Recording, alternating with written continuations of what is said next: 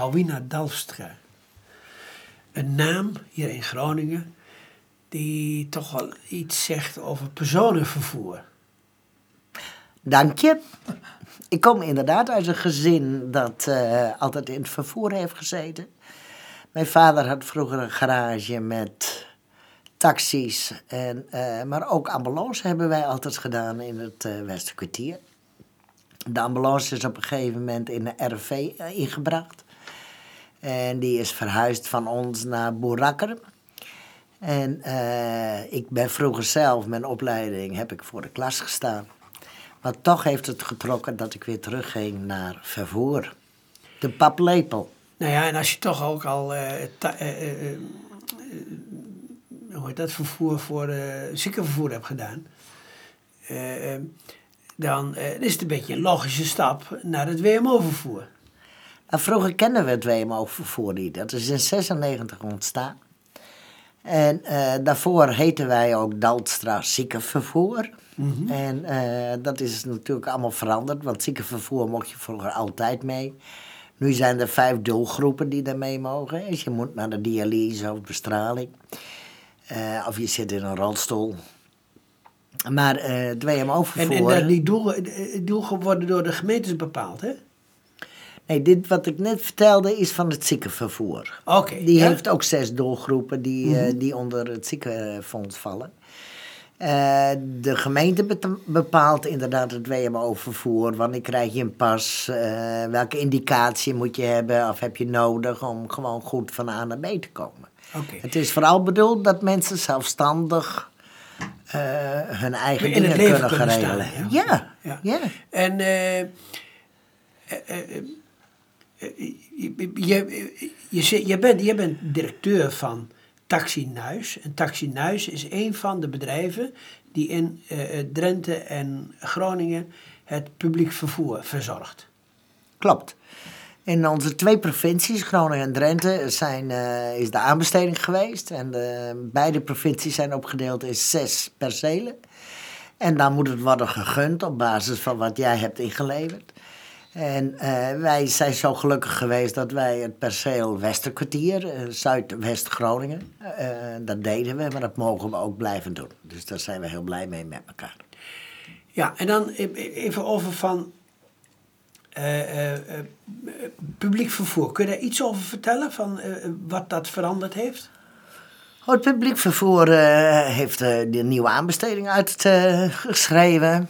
Het is een lastige aanbesteding. Er staan allemaal haken en ogen en boetes. En... Dus je moet heel goed je best doen om een beetje nog te kunnen verdienen. Dat is wel zo. Ja. En, en hoe krijg je dat dan? Uh, nou, laten we eerst even gaan kijken. Uh, wat voor soort mensen vervoer je eigenlijk? Ik denk dat ik alle mensen die een bepaalde leeftijd en een bepaalde handicap, maar ook mensen met, met jonge mensen met een bepaalde handicap, die vallen allemaal onder de doelgroep WMO. En die proberen wij op een goede manier van A naar B te brengen. Uh, dus ook schoolkinderen eventueel? Ja, ja. Ja, voor die, uh, ja, hoe heet dat? Speciaal, uh, voor het spe spe speciaal onderwijs. Ja, ja hoor, klopt. En heb je daar voor de verschillende doelgroepen ook verschillende soorten auto's? Ja, wij hebben natuurlijk, uh, onze auto's voldoen volledig aan de wetgeving. En als ik zie hoeveel rolstoelbussen wij op dit moment op een weg hebben, dan uh, is dat uh, nou, heel wat meer dan vijf jaar terug. Zijn de rolstoelen vermeerderd? Of, Denk ik wel. De categorie dat je WMO-pas krijgt, die categorie heeft vaak steeds meer haken en ogen. Daar wil ik mee zeggen van het wat steeds complexer het vervoer van ieder individueel. Ja, maar bedoel je da namelijk dat, je, uh, uh, dat er meer rolstoelers komen die, die uh, vervoer willen? Of, hebben namelijk gewoon de, of is de maatschappij dusdanig veranderd dat mensen die in een rolstoel zitten vaker de wereld ingaan? Nou, ik denk dat die groep ook zelfstandiger is geworden door te zeggen van jongens, ik wil uh, graag mee blijven doen en ik wil graag van A naar B.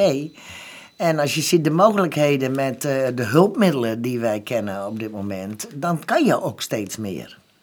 Kijk naar de scootmobiel, kijk naar de, de, de rollator. eh, ik bedoel, vroeger hadden we misschien één rollator op een rit.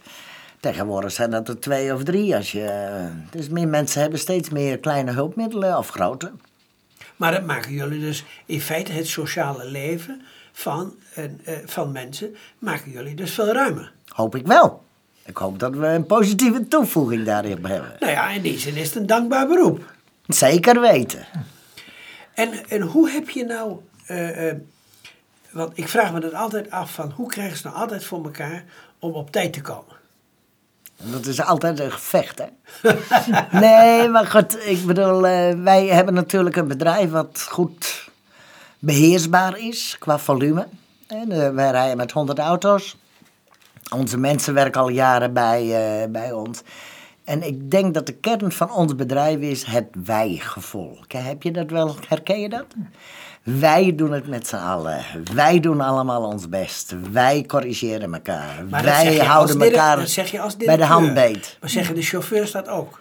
Nou, er zal misschien eentje uit de boot vallen, maar de meeste wel. En, en, en hoe zien de, ehm, eh, de klanten het eigenlijk? Want ik kan aan één klant kan het wel vragen, aan Bert Vos. Nou ja, eh, wat ze Bouwien al zegt, ik, eh, ik, ik ben nooit ontevreden over de ritten. En eh, ze zijn, al, wat je zegt, altijd op tijd.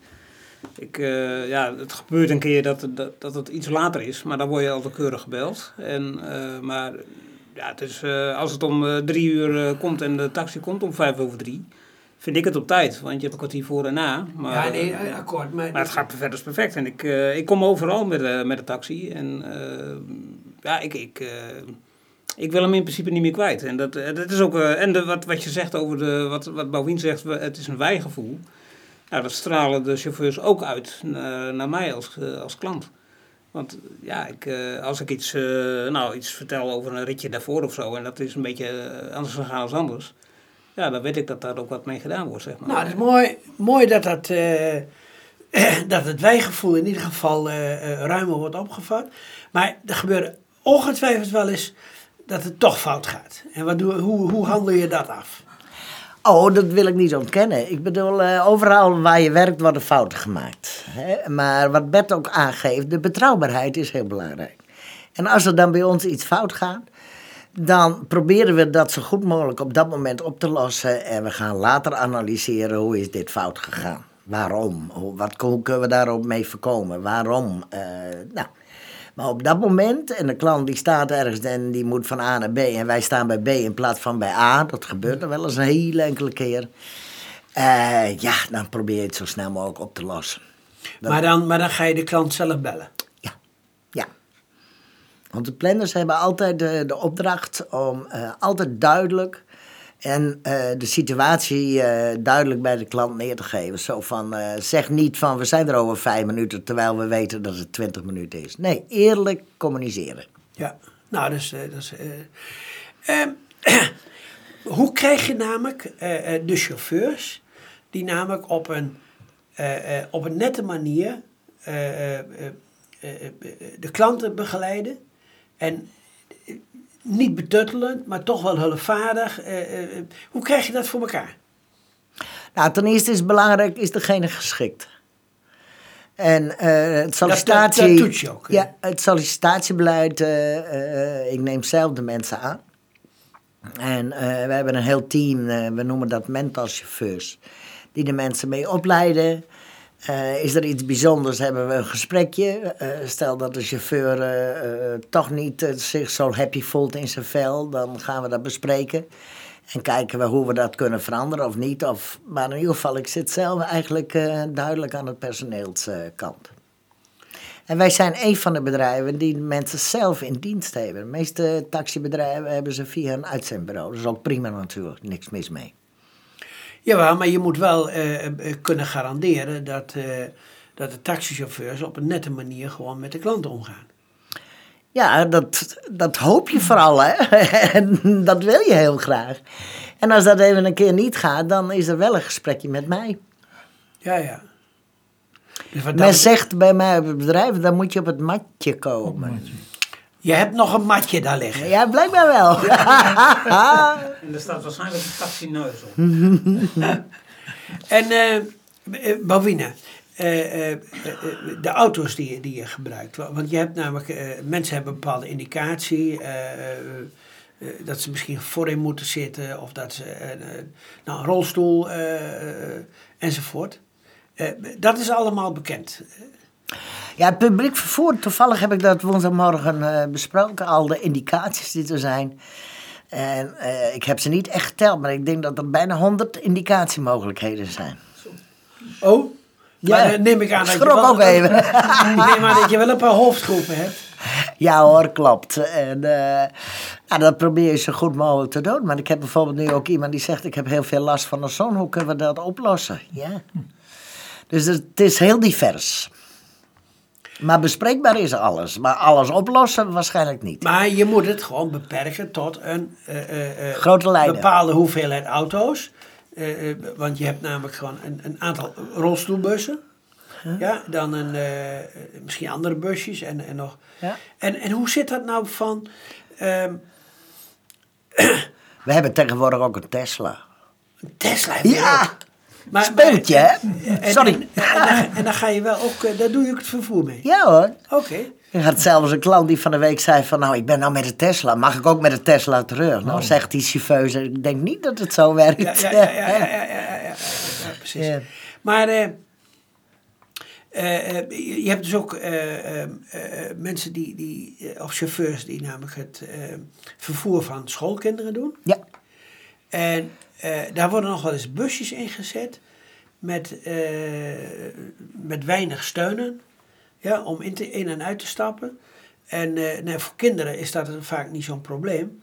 Maar die busjes die, die zijn soms wel eens wat problematisch voor mensen die wat slechte been zijn. Ja.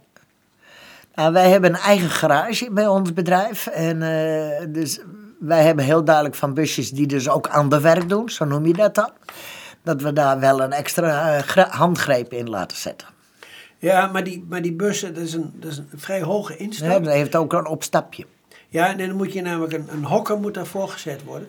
Maar die wordt niet gezekerd. Die, is niet op de grond gezekerd en die is niet ook aan, aan, het, eh, aan de auto gezekerd. Dus als de auto namelijk, eh, de bus, namelijk vlak langs het trottoir zit, heb je kans dat die, dat die poten van die hokken van de stoep afglijden.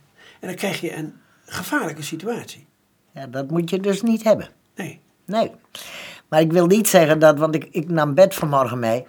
En er staat een stukje tussen het trottoir en mijn voertuig. En eh, ja, dat ik bed daar even op attent maak van... Oeh, we gaan, je gaat even net met de voet naar beneden. Maar bed voelde dat onmiddellijk. Maar ik bedoel, je moet het wel begeleiden. En Je kan niet alles voorkomen, maar je kan het wel door eh, duidelijk te maken wat het is... eh, met Nou ja, elkaar we, we zullen hier ook niet alles kunnen oplossen. Maar ik eh, dank je hartelijk voor dit interview. Heel graag gedaan.